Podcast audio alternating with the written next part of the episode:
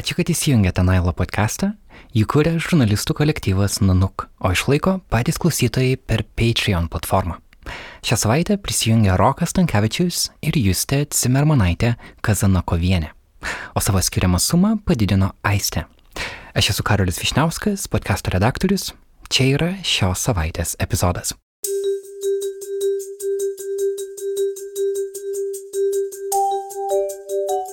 Aš matau tą, tą galimybę. Galimybę Lietuvoje nacionalizmui įgauti tokią formą, kokios jis vargu ar buvo kada įgavęs, išskyrus turbūt karo periodą ir tarpukario periodą. Bet tai vėl, vat, Pauliu, yra lygiai tas pats motyvas visur pastebimas. Yra tas pats sentimentas. Aš neturiu, man neužtenka, aš jaučiuosi nepakankamas vat, dėl dabartinės situacijos. Ir, ir tada mes ieškom, graibom toj tamsoj, iš kur čia paimti saugumo ir užtikrintumo. Ir yra du patogus, gerai nudėvėti batai. Vienas nacionalizmo batas, kitas religijos batas. Nu ir apsimaunu ir šuoliuoju, ar ne? Tai tik sakau, reikia suvokti, kad, nu, čia yra tik tai apvalkalas. Pagrindinė problema, kurią mes turim galimybių išspręsti, yra visai kitur. Po pertraukos į Nailo tinklelį grįžta jūsų pamėgti update epizodai ir prie jų prisijungia Paulius Gritienas, mūsų kolega žurnalistas, buvęs podcast'o pašnekovas ir žinoma, juose toliau dalyvauja mokslininkė, saugumo specialistė Eglė Murauskaitė. Linkėjimus siunčia Karolis Pilypas Liutkevičius, buvęs mūsų kompanijoje anksčiau.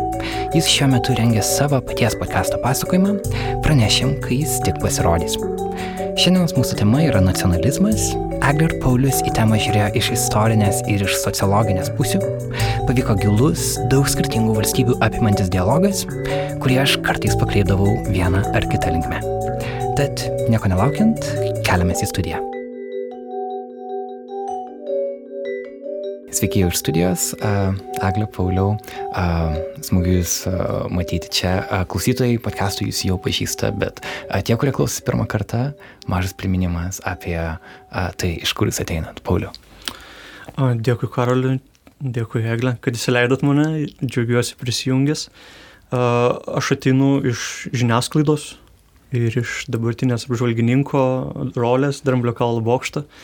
Tuo pačiu esu tęsiantis filosofijos studijas, wannabe filosofas, tai bandysiu tą visą savo žinių sankaupą pertikti tiek jums kažką papasakodamas, tiek diskusijų metu. Mm. Sveiki, aš esu Eglė Murauskaitė, Maryland universiteto vyriausioji mokslininkė, taip pat nereziduojanti vyriausioji mokslininkė Vilniaus politikos analizės institute su įdomumu ir džiaugsmu seku aktualijas tiek Lietuvoje ir pasaulyje ir nekantrai laukiu įdomaus pokalbio apie nacionalizmo ir globalizmo priešpriešą su Pauliumi priešakė. O iš ties, kai mes uh, kalbame apie nacionalizmą, uh, apie ką mes kalbame ir kodėl apie jį kalbame būtent dabar, kodėl tai yra uh, dabarties tema, dėl kurios mes visi, taškim, pirmam pokalbiui su Eglė, su Pauliumi, šito, šitokiame sąstate, mes tarsi vieningai sutarėm, kad, aha, apie tai reikia kalbėti, tarsi mums tai yra savaime aišku. A, kokie buvo jūsų argumentai?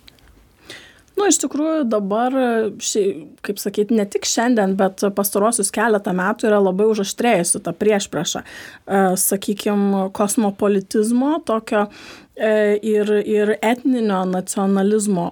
Ir tas juntama aišku ne tik Lietuvoje, bet praktiškai daugumoje pasaulio šalių man užkliuvo už akių BBC apklausa, kur teigiama, kad net 3 ketvirtadaliai žmonių tokiuose nu, labai skirtingose šalise kaip Kinija, Nigerija arba Gana, Brazilija ir Kanada, tokie šitose šalise 3 ketvirčiai žmonių labiau jaučiasi pasaulio piliečiai negu savo šalių piliečiai. Ir sakykime, tai yra toksai liberalus, pasiturintis, na, elitas praktiškai daugelio žmonių akimis. Žmonės, kurie labiau identifikuoja su vat, panašia pasaulyje žiūra turinčiai žmonėmis užsienyje, o ne su savo tautiečiais. Ir iš tikrųjų ta tas atotrukis didėja, didėjant turtiniai neligybei. Tai mes aišku matėm ir jau nekartą aptarėm, kad e, po antro pasaulinio karo kilo banga internacionalizmo, bandymai teisiškai uždrausti karą ir taip pat įvairiais būdais nukelti žmonių gerbuvį.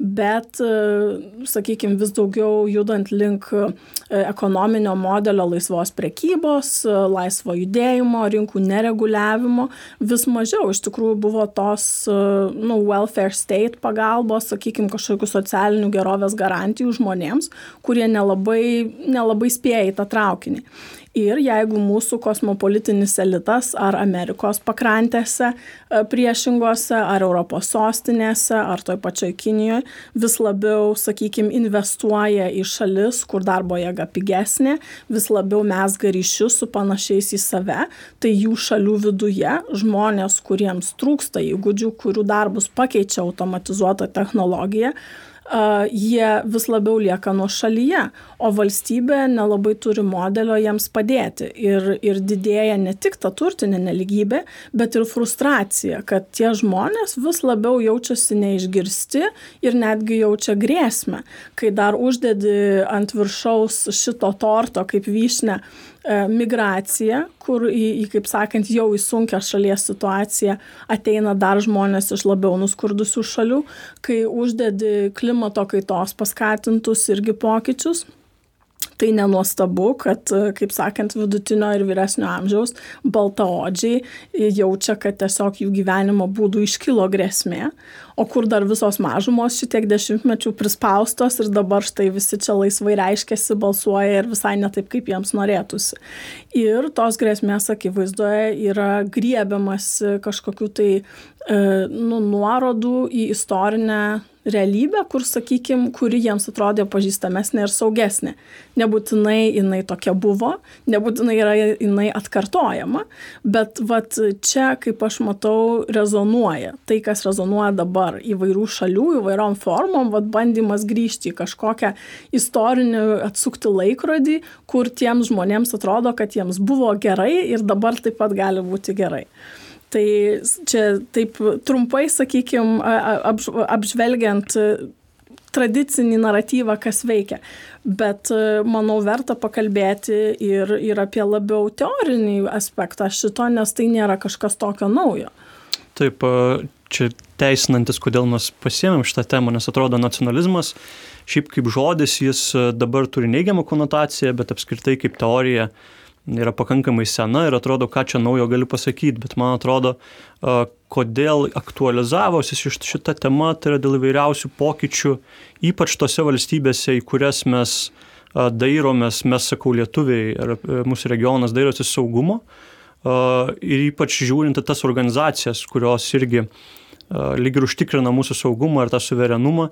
Kita vertus ir padėtis regione yra tokia, tarkim, Lenkijoje, Vengrijoje, Slovakijoje, tie nacionalizmo klausimai ir tie judėjimai tokie link, mm, link kažko nostalgijos buvusio sugražinimo, apie kurį minėjo Eglė, jie yra labai akivaizdus ir jie yra ir siūlomi ir Lietuvoje. Tai čia turbūt tas aktualumas yra iš to, kad tokia yra politinė tikrovė ir tokie yra politiniai iššūkiai didžiausi. Tai yra tas globalių organizacijų ir nacionalinių valstybių, nacionalinių valstybių intereso sankirta, kuri kai kam atrodė, kad lengvai išsispręs arba viena ar kita teorija laimės, pasirodė, kad tas sugyvenimas ir jam reikalingi nauji aiškinimai ir nauji būdai. Tai kaip ir minėjau, tas nacionalizmo pats, pats konceptas, jis yra pakankamai senas. Kai kurie netgi turbūt datuotų sakytų, kad ten senovės Romoje ir Antikoje buvo kažkokia nacionalizmo užuomasgų, ar net ten miestai poliai, bet šiaip, nu, be bent jau priimta sociologijos moksle, tos teorijos ir populiariausios teorijos aš pasiremsiu Ernesto Gelnerio, žymaus sociologo teorija, kuris apie nacionalizmą kalbėjo kaip apie XIX amžiaus vidurio tokį atsaką industrializacijos procesui. Iš esmės Gelneris sako, kad nacionalizmas ir tauta tai nėra kažkas tokio įgimto savaiminio, kad tai toks besiformuojantis ir tai silpstantis, tai stiprėjantis reiškinys iš esmės yra.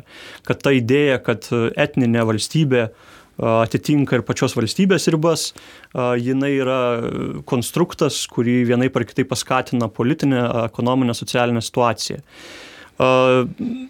ilgą laiką buvo manoma, bent jau 20 amžiaus vidurio sociologai, kai kurie ir kai kurie mąstytojai mane, kad tas globalizacijos procesas, apie kurį vėl užsiminė Eglė, prasidėjęs po antrojo pasaulinio karo, tas tokių internacionalinių uh, organizacijų visokių kūrimasis, jis savaime nugalės tą nacionalinį interesą, kad neišvengiamas yra globalizavimasis ir tų tautinių, etninių tapatybių asimiliavimas kažkoks ir to klausimo panaikinimas. Tarkim, Hobsbaumas yra žinomas sociologas, kuris turbūt tą iki šiol populiarią idėją yra iškėlęs, kad ekonominiai procesai globalėjantis, neišvengiami globalėjantis, nes žmonės suprato, kad pasaulinė priekyba arba prekių gabenimas iš vieno regiono į kitą ar gamyba, gamybos perkelimas iš vieno regiono į kitą, jisai atneš tą globalią struktūrą ir žmonės globalioje ekonomikoje savaime taps globalaus pasaulio dalimi pasirodė, kad šita,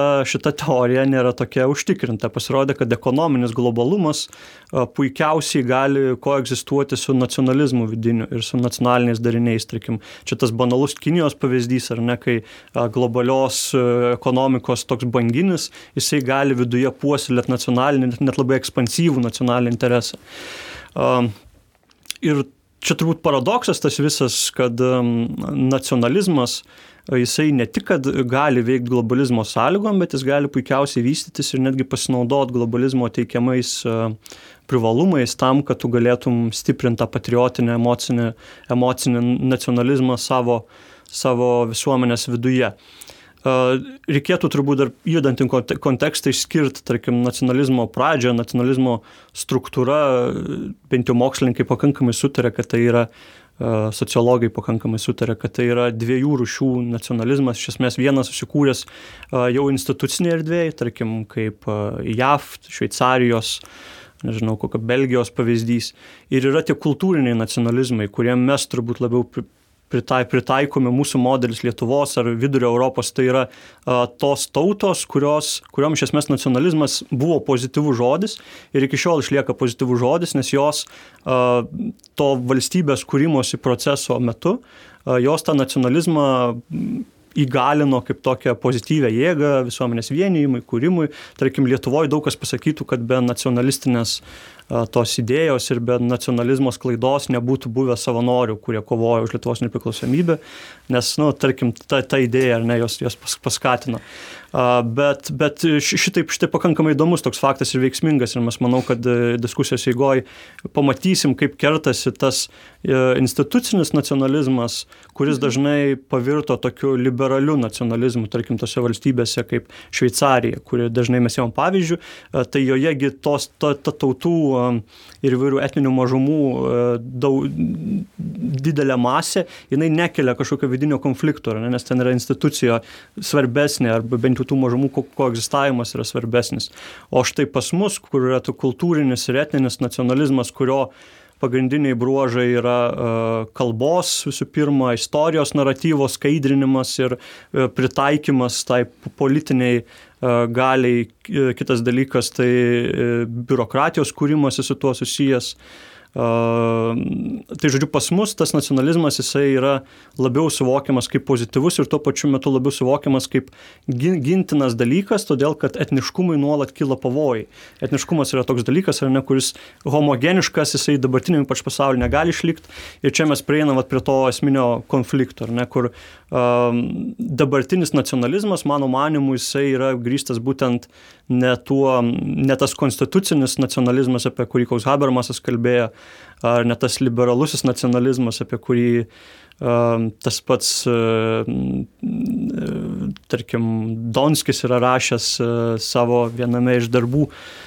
Kultūros baruose berots buvo rašinys 2002 metų, kuris būtent kalbėjo, kad mums reikalingas tas liberus, li, li, li, liberalusis nacionalizmas. Bet dabar mes matom, kad atgimsta tas būtent emocinis, etniškai homogeniškas ir kultūrinis nacionalizmas, kurio principas yra išreikštas visiems žinomų posakių Lietuva lietuviams. Jį galima pritaikyti Lenkiją Lenkams, Vengriją Vengrams, Ameriką amerikiečiams, o ne tiem, kurie e, ropšiasi per sieną ar net ten, kad atimtų darbus iš amerikiečių.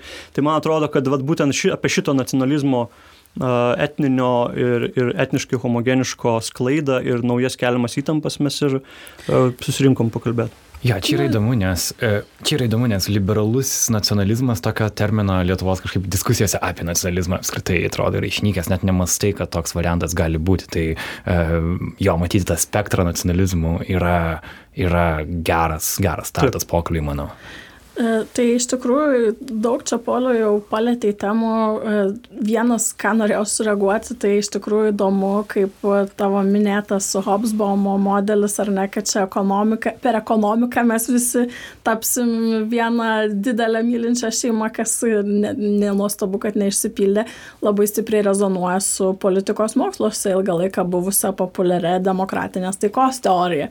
Irgi panašiai siūlančią, kad reiškia demokratijos tarpusavyje neprekiauja kariauja, prekiaukim ar nekariaukim, tai žodžiu ir, ir neveikia tai taip. Bet e, prie ko vedu ir, ir čia susiečiau su tavo minėtu tuo e, etniškai homogeniško pagrindo nacionalizmu. Tai man atrodo, kad iš tikrųjų dabar gal netgi kas aktualiau yra, sakykime, ar stipriau ir tik tai kartais įvelkama į tą etninio nacionalizmo rūbą. Tai yra vadinamas tribalizmas. Lietuvoje specialiai paieškojau, ar yra koks nors vertinys, kol kas neaptikau. Tai- gentizmas. Tai, jo, gentizmas. Tai tiesiog sakysiu tribalizmas, kad būtų aiškiau, žodžiu. Tai nes e, čia e, Amy, Amy Chua ir Ian Robertson gerai apie tai rašo. Tai bet žodžiu, e, esmė šito koncepto, kad tai yra valstybės viduje kažkokie, sakykime, ar klanai, šeiminiai, ar interesų grupės, bet ne etniniu pagrindu susiskirstę, tai dėl to žodis toks gentis čia būtų gal, nu, klaidinantis. Bet esmė tokia, kad kad tai yra nu, valstybės viduje dar tas kažkoks susiskaidimas, va tuo kažkokiu kitu, ar interesų pagrindu, ar turtiniu pagrindu, ar tiesiog va, su kuo tu identifikuoji labiau pagrindu. Ir, ir sakykime, labai stiprėja tas susipriešinimas viduje. Tai iš dalies yra, sakykime, ar ta kosmopolitų gentis versus kažkokių tradicionalistų gentis, ar tai būtų žmonės, kurie yra pasiturintys versus nelabai pasiturintys. Tai vat, aš nesutikčiau su Pauliaus teiginiu, kad Lenkija Lenkams, Amerika Amerikiečiams, nes nebelabai aišku. Čia ne mano teiginiai, čia. Ne, ne, ne, aš turiu omeny. Baziniai teiginiai. Ne, ne, aš nesakau, kad tu taip sakai, bet kad, nu, čia labiau niuansuotai reiktų žvelgti į tą, nes kai ir sako žmonės Lietuva lietuviams, tai jie irgi, aš esu tikra, neturiu omenyje, kad visiems tiems lietuviams, aš esu beveik tikra, kad jie jaučiasi gana antisisteminiai ir labai mielai, kaip Robin Hoodas norėtų atimti iš verslininkų šiek tiek daugiau pinigų ir paskirstyti šiek tiek tariant, kitur. Verslininkas yra etninis lietuvis, bet išnaudotojas jis vis tiek jam nėra lietuva pagal nu, šitą. Man taip šviečiasi, kad kai žmonės su trumpais kustom galvom ir su odiniam striukiam ir kerzais eina ir šaukia tą šūkį, kad jie tikrai neturi omenyje ne tik, kad žmonių, kurie galbūt yra ar ne pirmos kartos lietuviai, ar galbūt nekalba lietuviškai, bet čia gyvena, bet ne net ir tų, sakykime, blondinų mėlynakių, jie toli gražu ne visiems tos tai, Lietuvos yra klasinis, klasinis elementas. Bet, bet, bet, bet matai, aš vėl manau, kad tribalizmas čia dėl to yra geras žodis, kad tai yra interesų pagrindų ir, sakykime, kažkokių vertybių pagrindų. Tai mes turėjom laikotarpius ir Europoje, ir Lietuvoje kai buvo gal, sakykime, klasinių pagrindų ar, ar skirstomos, žodžiu, visuomenės kažkokia stratifikacija, kai buvo, nežinau, gal etninių pagrindų mažiau to susipriešinimo, bet čia tiesiog yra komplikuotesnis tas toks, nu, labiau niuansuoti tie sluoksneliai. Tai vad, man atrodo, tą yra svarbu suvokti. Ir, ir dar ką noriu pridėti, kad irgi yra svarbu suprasti, kad E, nu, kaip e, ir, ir Paulius tą mini ir daug kur yra kalbama apie emocinį užtaisą šito, tai nėra, nėra dar tiek E, kaip čia pasakyti, nėra viskas, kad žmogus gali tą sąmonės lygmenyje sukontroliuoti. Man labai patiko daug kur cituojama Ian Robertsono studija apie tai, kad žmonės e, patirdami grupės bendrumo jausmą, jiems išsiskiria oksitocinas, labai malonus jausmai, bet lygiai taip pat tas oksitocinas e, chemiškai tiesiog didina agresiją prieš ne grupės narius. Ir ten eksperimentų buvo daroma daugybė su visiškai atsitikti atsitiktinai žmonėm, tiesiog vat, atėjo vaikai ir vieniems užvilko vienokios spalvos marškinėlius, kitiems kitokius ir tada jiems rodo paveikslėlius ir kartais to, tie veidai paveikslėliuose, sakykime, su tos pačios spalvos marškinėliais, o kartais su, su kitokios. Tai netgi visiškai tokiu atsitiktinumu parinkus, vaikams iš karto atrodo, kad e, kur nuotraukoje tokios pačios spalvos vilki marškinėlius kaip ir jiems, kad jie gražesni vaikai, žodžiu, kad su jais ir dalintis daugiau saldainiais norisi ir, ir įvairių ten tų eksperimentų buvo daryta. Bet jeigu net nu visiškai tokio atsitiktiniai situacijoj, kur nei tau kokia grėsmė, nei tu turi kokį emocinį prieš tai buvusį ryšį su tais subjektais, nei, nei tau kokiu nors ekonominių pasiekmių ar psichologinių gali būti dėl to pasirinkimų, jeigu antiek stipriai tie sentimentai pasireiškia, kad čia yra mūsiškiai, o čia kiti ir aš noriu, reiškia, saviškiams padėti, o tie kiti netokie geri, tai reikia tik įsivaizduoti, jeigu tie naratyvai dar turi kažkokio, sakykime, nu, užtepto istorinio sluoksnio, teisingumo, neteisingumo, kažkokių naratyvų, kur tu jau gal ir pagalvot galėtum ir palinksėt, tai Dieve mano, tai yra labai stipru. Aš, aš visiškai pritariu, Eglė, ir netgi padėkočiau už tą tokį kritinį, kritinį smūgį pradžioj, nes iš tikrųjų tas antras žingsnis, ką, ką, ką aš norėčiau, žinai, dėti kalbėdamas apie nacionalizmą, yra būtent tai, kad tai, kas dabar yra vadinama nacionalizmu, tai būtent yra kažkoks konstruktas, kuris lepia žymiai gilesnės problemas, kurios nėra tik tai maždaug sukurkime Lietuvą lietuviams, nesame kvaili ir net tie žmonės, kurie šaukia, tai galbūt irgi nėra tokie kvaili, kad manytų, kad yra įmanoma tik lietuvių Lietuva, ne?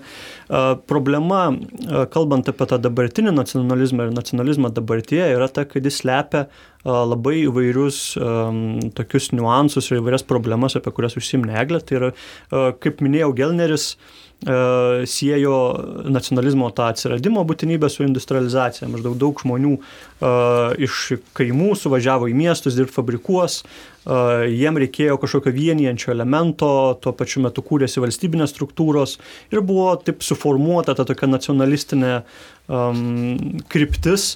Uh, kuri apvienyje per bendrą kultūrinę erdvę, per kalbą ir per panašius dalykus. Bet iš esmės po to nacionalizmo konceptui galima sudėti daugybę dalykų. Ir man atrodo, kad dabartyje nacionalizmo struktūroje yra būtent baime dėl to, kad pasibaigia tas industrinis pasaulis, fabrikų uh, anglies gavybos, ar ne, mes kalbėjome apie Donaldą Trumpą ir kaip jis sako, clean coal, čia ir mūsų angliakasius mes paremsim, ta bandymas išgelbėti tą XIX amžiaus, XX amžiaus tvarkingąjį industrinį pasaulį. Nors mes realiai perinam su ketvirtąją pramonės revoliucija ir su robotizacija, mechanizacija darbo jėgos į tokį pasaulį, kuriame nu, nebebus to tvarkingo industrinio tokio išsiskaidimo, kur štai stovi tavo fabrikas, tu jį eini 30 metų dirbi ir ten uždirbi, tavo visa šeima gyvena tam pačiame mieste. Tai tokia socialinė struktūra jinai nyksta ir akivaizdžiai darosi vis labiau segmentuota visuomenė ir vis labiau ta pati darbo rinka segmentuota. Tai dalis to nacionalistinio impulso, aš manau, kilo iš tų būtent ekonominių problemų ir ekonominio modelio kaitos vakarų pasaulyje ypač. Kitas dalykas, e, man atrodo, kad nacionalizmas labai dažnai kaip reiškinys suaktyvėja tada, e, kai yra bandoma atsakyti į kažkokį išorės veiksnį ar bent įsivaizduojamą išorės veiksnį. Tai dabartinis nacionalizmas akivaizdžiai savo priešų yra pasirinkęs liberalizmą e, ir tokią globa, globalėje globalią teisę ir globalias žmogaus teisės, ta prasme, jie kovoja iš esmės ne prieš patį globalizacijos procesą, jie, kovo, jie kovoja prieš tam tikrus globalius sutartus principus. Taip, niekas nekovoja prieš internetą, pavyzdžiui. Taip, būtent, tokį. būtent socialiniai tinklai. Prieš tai, kad, na, na, na, na, tarkim, alt-right fenomenas be interneto nebūtų, nebūtų Taip, įvykęs. Būtent, labai čia Tomasas Vilandas Eriksonas norvegų socialinis antropologas, kuris iš esmės tęsė Gelnerio darbus. Jis būtent apie tai ir kalba, kad tas dabartinis pasaulis globalizacija iš esmės ir būtent netgi paskatino tų mažų patriotinių, tų tribal, tų judėjimų augimą, nes pati dabartinė viešoji erdvė yra sukonstruota taip, kad tu gali susikurti ratą savo bendraminčių ir skleis kažkokias idėjas labai plačiai visam pasauliu, tarkim, interneto dėka tu gali savo deklaraciją ar nepateikt, kad visi perskaitytų. Ir kitas dalykas, tu gali segmentuoti žmonių ratą, tu gali atsirinkti bendraminčius. Tai leidžia visokiom tokiom grupelėm, kurios šiaip būtų tokioje viešoje erdvėje, kokia buvo tarp 19-20 amžiui, būtų marginalios, tapt labai ryškiom veikėjom dabarties diskurso kūrime ir kartais labiau girdėtis E, negu mes e, manom, kad jie verti. Netgi yra, nu, yra, yra labai paprasti pavyzdžiai dabar tie, ne, kai mes sakom, kad štai garsiai šaukianti grupė šitą išsireikalauja daugiau negu tylioji dauguma, ne. Tai, tai dabartinė viešosios erdvės struktūra leidžia tiem uh, nacionalistiniam, tokiem emociniam nacionalistam užimti pakankamai didelę erdvės dalį ir daryti nemažą bent jau triukšmą. Tai, tai čia vat, būtent kas lepiasi po to nacionalizmu. Čia, čia reikia turbūt, ka, ka, no, norint giliau eiti, kapstytis. Ir aš manau, kad po jos lepiasi būtent nerimas dėl ekonomikos ir ekonominio modelio kitimo, kuris visame pasaulyje egzistuoja. Nerimas dėl tų tradicinių socialinių struktūrų kitimo, nerimas dėl to, ką Eglė irgi paminėjo, kad atsirado daugybė grupių, kurios irgi taip pat reiškėsi ir kad tos universalios žmogaus teisės, kurias jie kaltina, jos išlaisvina po truputį grupės, kurios bent jau buvo priimta, matomos kaip nebylios, tokios ir nekalbančios, ar ne. Ir nacionalizmas, kaip va šita koncepcija, jis kyla būtent iš to, pasipriešinimo pasaulio kaitai dabartiniai. Nes beje, čia toks įdomus dalykas, kad net ta pirminė nacionalizmo versija XIX amžiaus viduryje, jinai jau turėjo nostalgijos elementą. Jau, tarkim, Gelneris lygindamas sako, kad tie fabrikų darbuotojai, jiem jau buvo e, normalu, labai įprasta kalbėti savo, savo grupėse, kaip buvo idiliška kaime gyventi. Ir mes, tarkim, ir Lietuvoje turim tą kultūrinį sluoksnį, kur maždaug kaimo idealizavimas, gyvenimo kaimo idealizavimas, nes jį aprašė tie žmonės, kurie gyveno kitose socialinėse socialinėse sąlygose ir jie kaltino tą naujovę dėl to, kad sugriovė štai tą buvusią tvarką. Tai mes matom, kaip ta uh, kaip ta dabartinė nostalgija yra tiesiog testinumas ar ne kažko, tie Make America Great Again, tie grįžkim ten į Osmanų imperiją, Turkijoje ar ne, tie Vengrijos, Lenkijos pavyzdžiai sugrįžimo į kažkokią didesnę tvarką yra tiesiog tradicinis nacionalizmas, ta prasme, kad ji susiranda naują nostalgijos naratyvą. Bet būtent nacionalizmui ir būdingas tas nostalgijos naratyvas, jis niekada negalėtų egzistuoti be, be, be, be tokio dalyko. Tai gal tada ir pakalbėkim detaliau apie tos pavyzdžius ir, sakykime, nacionalizmo apraiškas Europoje. Įdomu, kad, ką tu, Pauliau, užsiminė apie nostalgijos tą elementą Ir aš dar pridėčiau, kad nu, ne visai aišku, į kur ta nostalgija yra nukreipta, nes tai yra atrodo lygiai kažkokios fiktyvios realybės ilgesys. Tai aš norėčiau gal pradėti nuo tokio mažiau turbūt Lietuvoje aptariamo pavyzdžio, tai Vokietijos pavyzdžio. Ir manau, kad šiaip labai gerai yra išnagrinėta ta situacija mano vieno iš Marylando kolegų Ari Kruglanski naujoje knygoje, vadinasi The Radical's Journey Journey. E, ir čia ir aš kalbėsiu šiek tiek apie tai ir, ir jisai rašo, reiškia, ir apie to nacionalizmo ir, ir netgi neonacizmo. Tai yra tos dešinės ir net labai radikalios dešinės Vokietijoje buvimą ir, ir tokiam, nu, mainstreaminiam politiniam kontekste ir taip pat tų marginalizuotų grupuočių atsiradimą. Tai sakykime, gal pradžiai, vat, visi mes žinome nacių Vokietijos skaudžią patirtį, ir, bet gal mažiau žinom, kad nu, didžiulė dauguma tų žmonių, kurie tarnavo valstybės aparate, tenais nacių valstybės aparate, vėliau buvo vėl priimti į valstybės tarnybą ir daugiausia arba į užsienio politikos postus, arba į žvalgybos įvairius postus.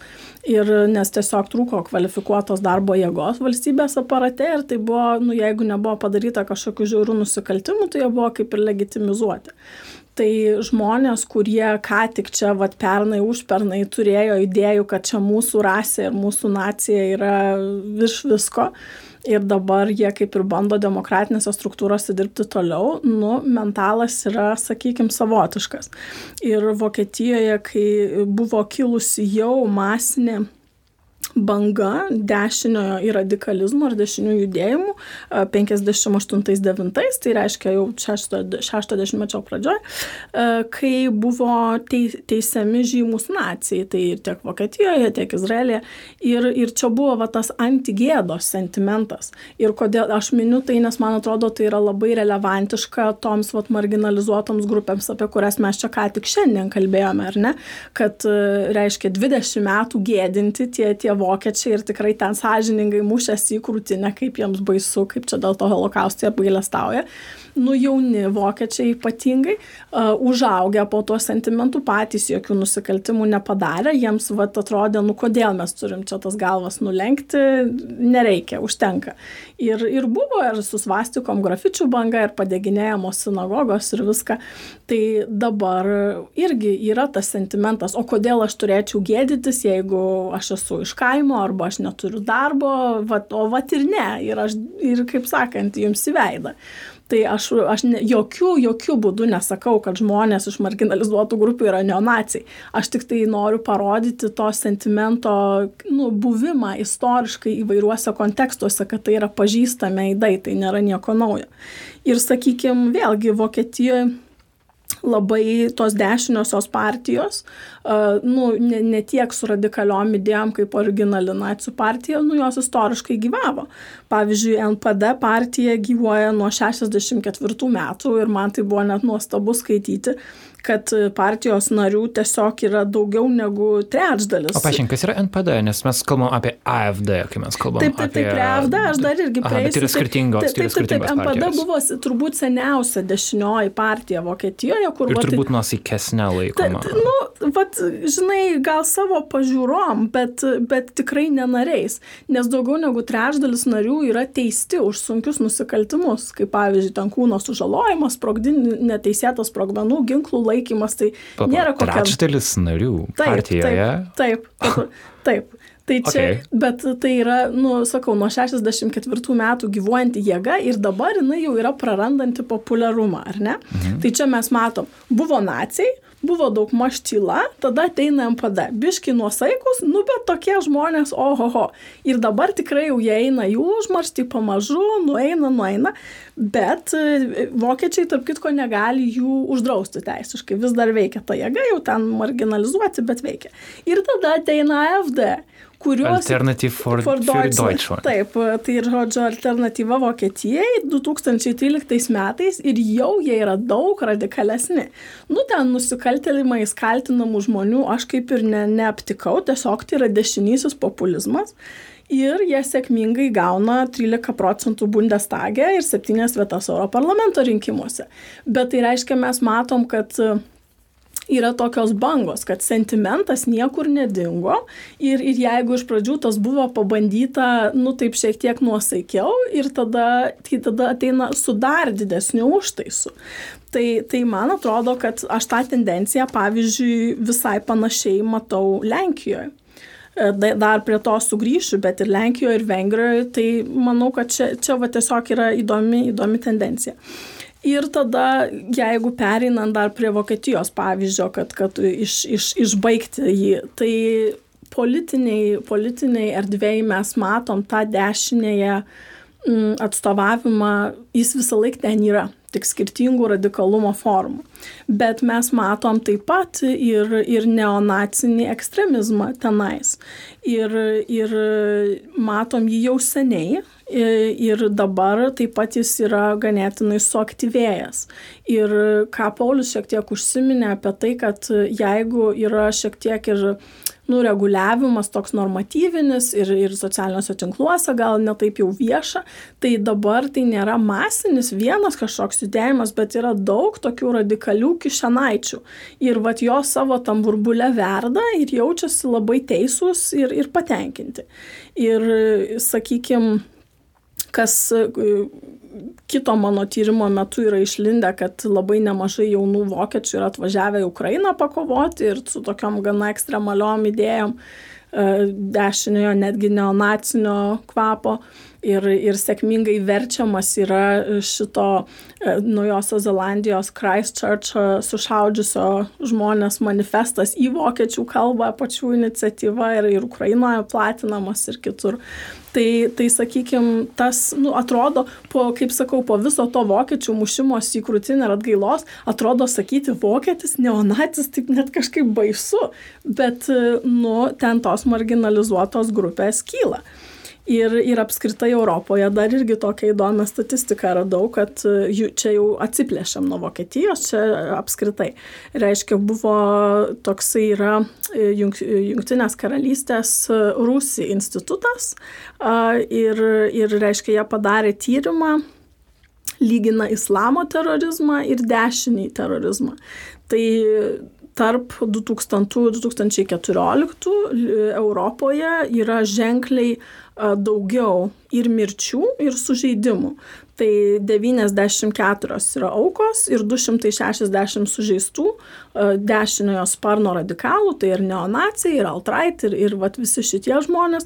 Kai tuo tarpu islamo teroras į kurį yra metami ir ir pinigai ir žinybų dėmesys ir viskas yra šešiolika aukų ir šešiasdešim penki sužeisti viso labo tai tai reikia suvokti kokio masto ir kaip dar beje irgi buvo pastebėjimas kad dauguma tų e, kaip čia pasakyti, planuojamų atakų, kad islamo teroro yra sistemingai jo sekama ir atkapstoma, o vat šitų ultradešiniųjų yra labiau atsitiktinai atrandama. Uh, tai tikrai jeigu mes vat kalbame ir su paulium apie nacionalizmą kaip sentimentą kurį gal tūlas pilietis turi apie nacionalizmo ir labiau tokio dešinizmo apraiškas politikoje tai dar reikia turėti omeny ir va šitą tokį žiauresnį aspektą. Jo kad tai nėra nekaltas dalykas. Jis veda link ekstremizmo ir ta prasme čia mhm. yra susiję dalykai Um, Bet aš tai šoks ir atsirastų, žinai, nacionaliz, labiau nacionalizmui priejaučiantis žmogus sakytų,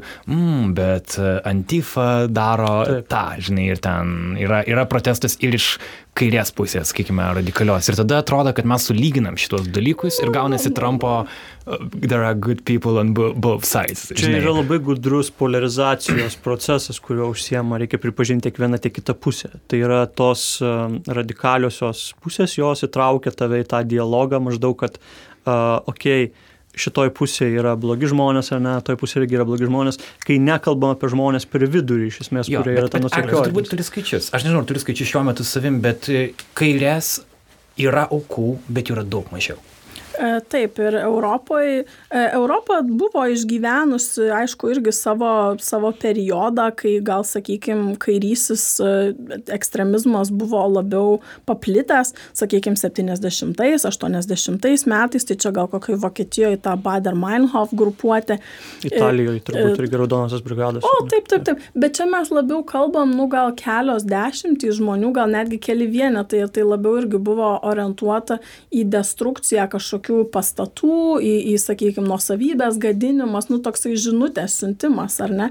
Tai net jeigu mes ir pagalvotume vėlgi iš to band, bandymo sulyginti, tai ar ten koks ekoterorizmas, ar prieš gyvūnų teisės, nu yra gal šioks toks skirtumas ten, ar kažkieno kailinius išpurkšti, ar ten banginius neteisėtai žvejojant į laivą kokiais dažais apmėtyti ir, ir dėti bombas sinagogose. Tai yra šioks toks skirtumas.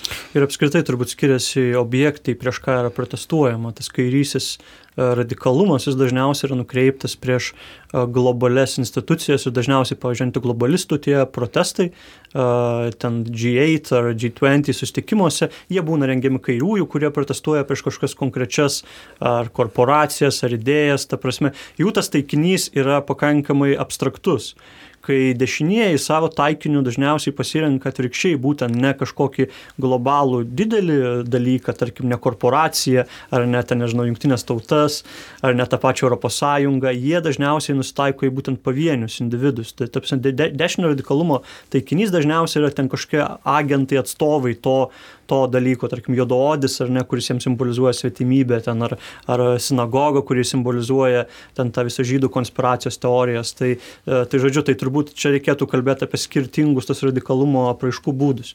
Mhm. E, aš dar šiek tiek sugrįždamas prie to, ką Eglė sakė, man atrodo labai svarbu paminėti ir tai, kad tas dabartinis nacionalizmas, e, jis yra labai paslankus ir labai lankstus, jis turi labai įdomias formas įgauna. Nes, pavyzdžiui, tie vokiečių nacionalistai arba tie patys italų nacionalistai Šiaurės lyga arba ispanų nacionalistai Voksas, jie tiesiogiai, tarkim, jie kratosi tos istorinės praeities, niekas neapeliuos ten į generolą Franko ar į Hitlerį ar į Jie net nesiskuta plaukų. Jo, trumpai, jie, jie jo. bando atsiriboti nuo to, jie sako, mes esame naujas, modernios formos, nepaisant to, kad tos idėjos kartojasi, jie sako, mes, esam, mes nieko bendro su to neturim, mes kovojam už tą nacionalistinį aspektą, tai yra bandymas kažkaip išvalyti, redukuotą praeitį ir maždaug lik to nebuvo, mes pabandom žengti tą žingsnį atgal.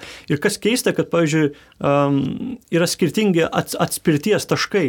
Uh, tarkim, kadangi vokiečiai, italai, jų nacionalistai, jie nu, supranta, kad komunikacinė prasme jiem remtis Hitleriu Musoliniu yra nu, pražutis, ta prasme, jie tą tampa užribiu. Svastikų dėtis. Taip, dėl to jie kalba apie būtent naują į tą nacionalizmą, naują bangą. Tuo metu e, vidurio Europos arba rytų Europos nacionalistai, jie kaip tik būtent remiasi istorinės asmenybės, nes jų istorija, nu, jie bent jau supranta, nėra diskredituota. Tarkim, a, ar Lenkijoje ir Lietuvoje kalbėti apie tą tarpukario periodą yra maždaug n- normalu, normalu nacionalistų sakyti, kad tų laikų žmonės, nepaisant jų sprendimų, yra didvyriai, ar ne? Vokie- Vokietija ir Italija, Ispanija to nepasakė. Škirpas klausimas. Jo, tai esmės čia, tai čia būtent lankstumo tas dalykas, kad sakau, nacionalizmai ir jų tos naujosios formos ir tos politinės jėgos, kurios atstovauja šitą reiškinį, jos labai gerai prisiderina ir kitas dalykas, jos labai gerai bendradarbiauja tarpusavį. Turbūt mes niekada nematėm tokio tinklo. Nes, tarkim, alternatyva Vokietijai, kaip tu minėjai, atsirado 2013 metais iškilo daugiau. Jį ten rėmėsi ir tais pegidos maršais, Taip, taip, taip, judėjimais taip, prieš migrantus dažniausiai. Iš esmės, juos iškėlė migracijos problema Taip. Vokietijoje, ar ne? Ir jau praėjus keturiem, penkiem metam jie pradėjo kurti savo tokį bendradarbiavimo tinklą ir tarkim dabar atvažiuoja į Lietuvą ar ne jų atstovai, jie važiuoja į Prancūziją su nacionaliniu frontu, bendradarbiavo Rusija labai irgi suinteresuota tų, tų procesų, tokių bendrų tinklų kūrimu. Ir, ir matom, kaip tas nacionalinis toks izolacinis uh, Lietuva lietuviams, Vokietija vokiečiams tinklas, jisai plečiasi ir jis darosi toks internacionalas kraštutinės dešinės, ar ne? Jie labai gerai remia viens kitą, uh, nežinau, net, net ir finansinė prasme mes matom šitą procesą. Tai tas pakankamai įdomus reiškinys, nes ankstesni nacionalizmai savo apraiškomis įvairiausiamis, jie vis tiek likdavo uždarose ribose. Maždaug Mhm. jeigu kas nors nutinka a, vienoj valstybei, tai labai sunkiai tai persimeta į kitą, ar ne? Labai sunkiai tas modelis pritaikomas. Hitleriui netgi reikėjo ieškoti, ar net Japoniją reikėjo įtraukti, nors jeigu lygintumėm tos du nacionalizmus, tai visiškai skirtingų kultūrinį pamatą turi. O dabartiniai nacionalizmai turi bendrą, vat, būtent tą sentimentą tokį prieš migrantus, prieš ekonominę kaitą, prieš socialinio modelio kaitą, prieš šeimos sampratos kaitą, prieš litiškumo sampratos ir, kaitą. ir kol kas liko viena valstybė čia nepaminėta, kuri daug prisideda ties, tiesiog ir iš finansinės pusės, kad visa tai vyktų. Tai yra Rusija. Kad uh, šitas vertybės, kurias tu ką tik minėjai, jos, pažiūrėjau, Rusijoje irgi yra suprantamos kaip, na, Uh, dažnai, pavyzdžiui, Kremliaus valdžia linkusi save parodyti kaip opozicija irgi liberaliai Europai ir dėl to, pavyzdžiui, Lietuvos nacionalistams atsiranda toks kažkoks kognityvinis disonansas, kad pala, šiaip mes negalim, negalim, negali. negalim, mes negalim eiti už Rusiją ir nes jie mus buvo okupavę, nors Sovietų sąjunga buvo okupavus, bet idėjiškai ir šeimos vertybės ir nėra ten jokių, žinai, įstatymų draudžiančių. Toks gražus ir tu taip nori mylėti, bet nu, socialinis statusas kaip ir neleidžia. Jo, čia la- labai, labai geras aspektas ir dėl ko užsiminė apie Rusiją. Čia prieš mėnesį, prieš, prieš pusantrą mėnesį buvo pagarsėjusi ta Putino kalba, kuris sakė, kad štai liberalizmas žlugo, matote. Ir dabar čia aš buvau teisus ir tai iš esmės atliepia tai, ką kalba ir tie kraštutiniai dešinieji įvairiose, įvairiose regionuose. Ir labai įdomus dalykas tas, kad Rusija vis dar dažnai matoma per tokį komunistinio, komunistinio paveldo aspektą, kad liktai tai yra maždaug kairiųjų iš prigimties valstybė, a, liktai iš prigimties jinai yra linkusi ten, ta prasme, atskiruose regionuose neparemti, bet akivaizdu dabar, kad dabartinė Rusija tokia, kokia yra ir Putino ideologija. Tai yra super konservatyvi. Taip, būtent ir jinai iš esmės palaiko tą alt-right sentimentą, jie palaiko tos visus priešinimuose tiem galimiem pokyčiam a, ir nori, nenori, tu sieji juos į vieną tinklą. Ta prasme, Rusija iš tikrųjų yra net oficialiai, tarkim, nacionalinį frontą net finansiškai yra parėmusi, netgi yra iš Ir Rusijos. Tai Le, net- ir su Le Pen buvo, ir italų įrodyta, ten turi taip, taip. gana stiprius ryšius. Tai iš tikrųjų, vat, vėl grįžtam, man atrodo, čia yra svarbu vadinti daiktus e, tiksliai. Tai vat, tribalizmas čia yra daug labiau tinkamas žodis. Ir, ir kaip pasakyti, perdėliojus tos kategorijos sustoja į vietas ir paaiškėja, kad kodėl, kodėl ta dešinė ir, ir Lietuvos, ir Vokietijos, ir Rusijos, e, nu, per ką jie yra atsiranda va tą bendrą sentimentą, ar ne, kad čia netautinių pagrindų tai yra kalbama, kad tai yra tam tikro va nostalgijos ir, ir propaguojamų vertybių pagrindų. Ir tas nacionalinis aspektas čia yra, nu, toks plonas apsiaustėlis uždėtas visiškai, nu, iš esmės nevaidinantis tokio svarbaus vaidmens. Aš gal šiek tiek paprieštaraučiau, man atrodo, kad taip, taip viena vertus, iš tikrųjų, aš sakau, nacionalinis aspektas jis niekada, mes suprantam, kad jis nebus vaisingas, ta prasme, etniškai švarią valstybę turėčiais laikais yra neįmanoma ir niekas tokio siekinio neturi. Bet man atrodo, kad Rusija naudojasi tuo nacionalistiniu aspektu ir netgi skatina kitų valstybių nacionalizmą, ypač tų mažesnių, kurie, kurie prasme, neturi tiesioginės grėsmės jiems, nes tai ardo jų manimų globalias struktūras. Ta prasme, Europoje, Europoje jie akivaizdžiai turi taikinį Europos Sąjungą ir NATO įvairias narės, kurias jie bando skaldyti būtent sakydami, ei žiūrėkit, štai jūsų tautinis, nacionalinis interesas, jūs vadovaukitės juo, o ne tuo bendru interesu. Tarkim, migrantų krizės metu, tai iš esmės Rusijos propagandos tikslas buvo pasakyti, kiekviena valstybė turi pati spręsti, jūs čia neįsileiskit tų migrantų, nėra bendro Europos intereso pasidalinti tą migrantų naštą.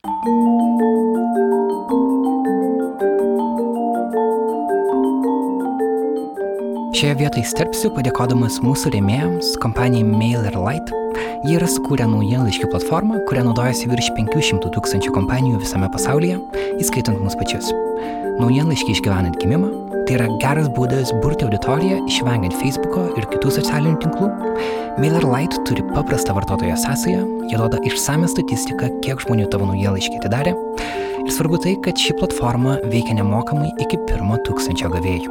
MailerLite www.studija.com, ten viską galite išbandyti patys. O dabar grįžtame į studiją.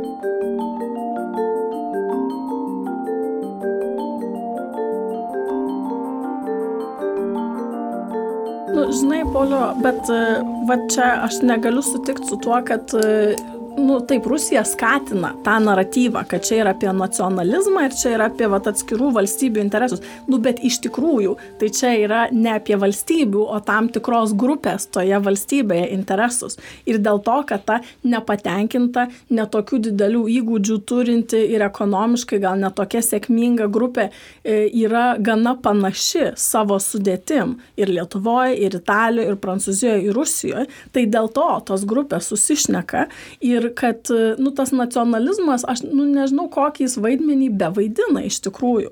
Ta prasme, naratyvas, kad toks yra stumiamas, taip, šimtų procentų, kad Rusija stengiasi tą išnaudoti, taip, šimtų procentų.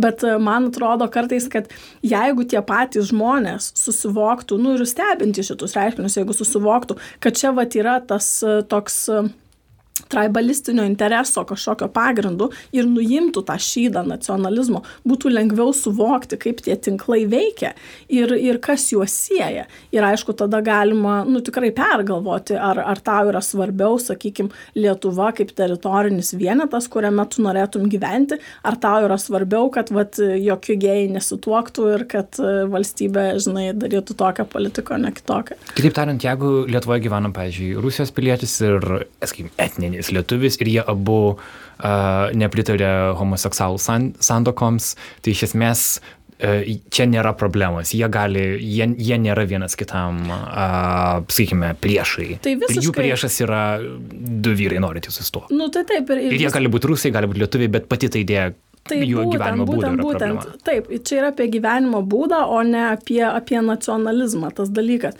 Tai ir dėl to, vat, kaip ir pats minėjai, žinai, kad ir, ir rusas gyvenantis Rusijoje, kuris yra homofobas, lietuviui yra daug artimesnis homofobui negu lietuvis liberalas. O tai, rusas gyvas gyvenantis Maskvoje yra artimesnis lietuviui liberalui. Taip, taip, nu, taip, taip, tai va čia, čia yra tas gentiškumas ir, ir dėl to tas nacionalizmas ir kaip yra, va, tas nacionalizmo apsiaustas nu, yra tokia distraction. Yra atitraukę dėmesį, nes pažįstama, pažįstami tie varpai skambėję jau daug kartų, bet ne apie tai čia iš tikrųjų yra. Viena, viena vertus, tai aš visiškai pritariu, ta prasme, aš niekiek ne, ne, ne negaliu ginčytis, kad rusas nacionalistas lietuvių nacionalistų artimesnis kaip ir rusas gėjus lietuvių gėjų, ne?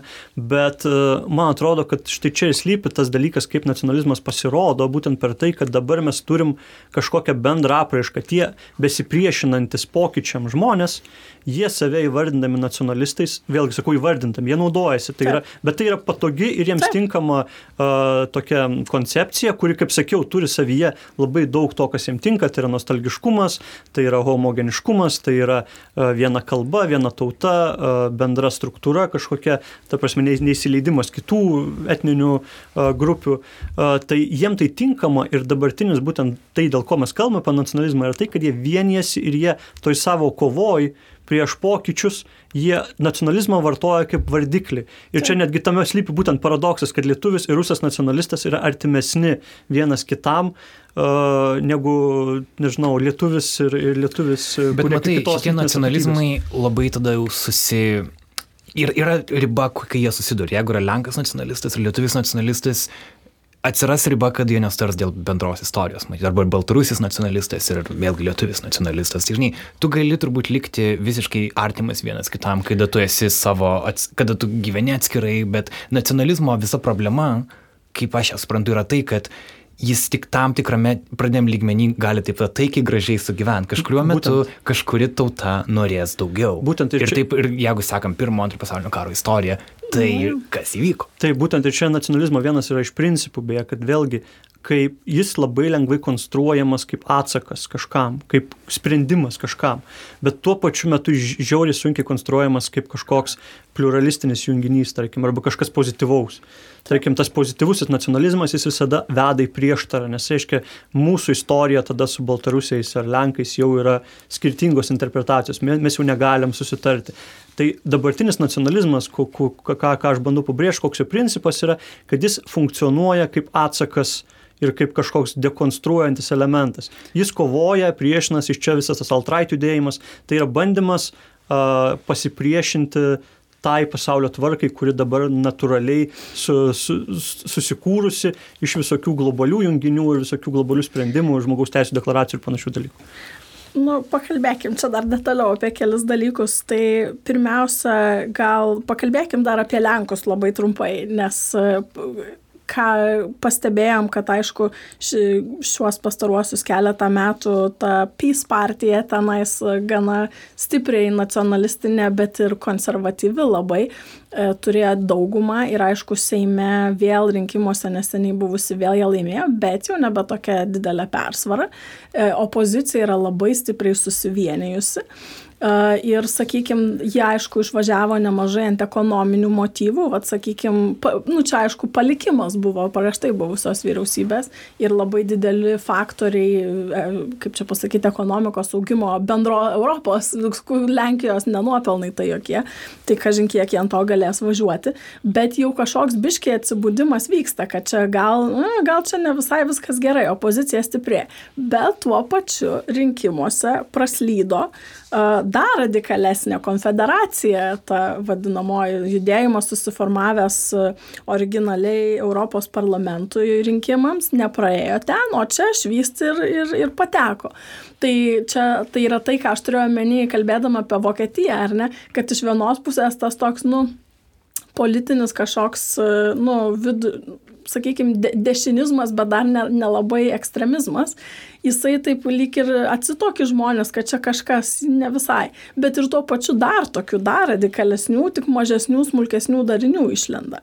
Tai pavyzdžiui, um, Vengrijoje, aš nežinau, ką galima spręsti, irgi vat, pamatėm, kad Orbano, sakykime, irgi labai populiarus uh, vajus jau gal biškelį praranda gazą opozicija labai stipriai yra susivienijus ir Budapešto meras laimėjo ne, ne Orbano remiamas, o opozicijos. Bet vėl, ar neišlys dar kokiu nors daigeliu labiau radikalių, tai čia atviras yra klausimas. O kitas dalykas, tai vis, vis Paulius mini, mini ir aš vis nerandu, kaip čia prieiti prie to klausimo apie tą liberalią tvarką natūraliai susiformavusią. Čia yra kažkoks įdomus mitas, kad, e, žodžiu, kad e, tie žmonės, kurie jaučia nepriteklių, sakykime, ar valstybės per mažą rūpinimas, ar galimybių kažkokių per mažai, kad tai yra dėl to, va, dėl tos liberalios tvarkos įsigalėjimo įsigalėjimo. Bet e, kaip tik e, tiek ekonomistai, tiek, nu, net ir sociologai, man atrodo, tyrinėjant į šitą reiškinį nuosekliau, tai pastebi, kad E, nepakankamai ta liberali tvarka šitoj vietoj yra įsigalėjusi, nes su, aš kaip pradžioj minėjau laidos, su rinkų laisvinimu, kaip tik e, buvo grįžta prie mažinimo valstybės vaidmens ir, ir tos vat, liberalizmo idėjos, jos, e, nu, kaip tik sakytų, kad valstybė turi padėti žmogui ir, ir turi labiau reguliuoti, kad žmogaus teisės būtų gerai užtikrinamos, rūpyba ten neįgaliais ir, ir, ir senesniais žmonėmis žmonėm ir, ir, ir, ir, ir kaip sakyt, orus gyvenimo būdas. Tai iš esmės tiesiog, vat, čia dar irgi yra šiokia tokia sisteminė priešprieša, vat, ekonominis modelis, kuriuo yra grįsta vat, ta tvarka, ne, jisai vertybiškai prasilenkia. Tai kaip tik, sakyčiau, gal tie žmonės, kurie bėga su šakėmis prieš liberalėje tą tvarką, ne visai gal suvokia, kad padauginus tos liberalios tvarkos ir leidus daugiau ateiti vat, to kosmopolitizmo ir, ir tų vat, tikrai humanitarinių vertybių, kad jiems vat, ta žaizdas pradėtų lopyti, kurias labiausiai skauda. Čia labai žmogiškas dalykas turbūt ir tu, tu, tu teisingai tą paradoksą parodai, kad e, ekonominis liberalizmas, kuris susijęs su laisvos rinkos idėja, laisvos prekybos idėja, e, mokesčių mažinimo idėja verslui arba ekonomikos augimo skatinimo idėja, e, jis nebūtinai sieja su tuo kultūriniu liberalizmu arba tų žmogaus teisų liberalizmu. Ne? Ir Lietuvoje irgi tas paradoksas labai gerai pasimato, kai žmonės lyg ir nori daugiau valstybės globos, lyg ir nori daugiau to kažkokio verslo apribojimų ar didesnių mokesčių, bet tuo pačiu metu labai daug žmonių kalba apie, tarkim, žmogaus, apie jų teisės pažeidžiamas, apie visokį, nežinau, e, ignoravimą jų problemų, kas yra būtent ta kultūrinė liberalizmo pusė. Čia beje, papilant Lenkijos temą, dar irgi įdomus dalykas, kaip tas nacionalizmas, beje, ir Vengrijoje taip pat, ir mes dabar sekam tuo pavyzdžiu, beje, tas nacionalizmas ir tas nacionalinis sentimentas, jis labai inkorporuoja socialinės rūpybos tą pusę tai yra labai konkretūs taikiniai, kuriais yra papildomai rūpinamasi ir kuriem iš ekonomikos yra skiriamos neproporcingos lėšos, tarkim, šeimos, ar ne, e, ta vaiko pinigų idėja, kuri populiari Lietuvoje, jinai Lenkijoje buvo labai populiari, jinai labai populiari taip pačiai Vengrijoje. Nelabai veikia, o populiari tai būtent, būtent, būtent va, va, va, va, va čia, prie ko aš norėjau prieiti, kad kai tu kalbėjai apie Lenkijos tos valdžios problemas, tai atsiranda problema, kad žmonės pradeda klausti, okei, okay, aš gaunu tos pinigus, bet šiaip tai niekaip, ta prasme, ekonomika neauga, mano gyvenimas negerėja, aš gaunu papildomą valstybės globą ir kažkokį skatinimą, bet tai realiai niekaip, nu, tos mano gerbuvio ir kasdienybės nekeičia. Bet nacionalistinės e, įvairios partijos jos labai dažnai būtent prisidengia tą globos, rūpybos, e, socialinės gerovės kažkokią idėją. E, ir, ir, ir Lietuvoje mes matome irgi tos pavyzdžius, kai yra nebandoma kažkokiais konkrečiais pinigais socialiai jautriausiom visuomenės grupėm nusipirkti tą tokį entuzijazmą jų to požiūrį arba netgi sakoma, štai mes tai darom Lietuvos labui. Tai šitas elementas labai dažnai nacionalizme pasireiškia, tas toks uh, suvaidinto, suvaidinto rūpešio ar suvaidintos globos arba netgi primetamos globos, kai tau nereikalinga ta parama, bet tau jinai yra primetama ir sakoma, štai tu gyvenk pagal tą mūsų siūlomą modelį aspektu. Mm. Turi eglę pridurti dar kažką? Nu, manau, kad e, apie nacionalizmą Europai mes čia apkramtėm tą klausimą iš visų pusių, bet apie ką dar nepakalbėjom, tai nacionalizmą JAV, Taip. kuris pasireiškia ganėtinai kitokiam spalvom. E, ten nacionalizmas istoriškai e, yra labai stipriai susijęs su rasizmu. Ir, sakykime, vėl kalbant apie tai, kaip lietuviai apskritai yra labai mėgėjai palaikyti Junktinės Amerikos valstijas ir lietuviai nacionalistai irgi labai yra mėgėjai palaikyti Amerikos nacionalistus Junktinių valstijų, tai irgi ne visada yra suvokiama, kaip sakant, su kuo lipama į lovą. Tai istoriškai, kas pamiršo, galim priminti, kad XIX amžiuje vykęs pilietinis karas tarp žmonių, kurie buvo labai stipriai pasiturintys ir, ir turėjo ir, ir vergus, ir aktyviai naudojo jų darbo jėgą, vergai paprastai buvo juododžiai. Kai jie pralaimėjo tą pilietinį karą, buvo labai stipriai praradę savo statusą ir, ir žinom, ir ekonominį gerbuvį, nes darbo jėga, panaikinus vergyją, staiga labai stipriai pabrango. Ir jau čia buvo pasėta ta sėkla labai aiškių rasinių pagrindų, kad reiškia yra ekonominis ir statuso politinio praradimas. Ir, ir reiškia tie žmonės, kurie buvo kaip ir nežmonės, tai staiga jau yra šiek tiek mažiau prieinami. Ir, o, o reiškia, tam baltaodžiui buvusiam turtingam grasina jo gerbuviui. Sekantį žingsnį mes matom panaikinimas segregacijos, kad jau tas buvęs, reiškia, vergas, jau jis yra afroamerikietis, jau jis gali net ir rankas plautis toj pačioj kreuklė ir tuo pačiu autobusu važiuoti. Tai tas yra tokie neseni laikai, čia nežinau, e, prasidėjo gal 50 metais tas judėjimas, bet jeigu aš dabar nesu nesuklysiu, man atrodo, buvo nuspręsta apie kažkur 90-uosius, kad, nu, desegregacija, reiškia mokyklų unifikavimas, kaip ir baigėsi.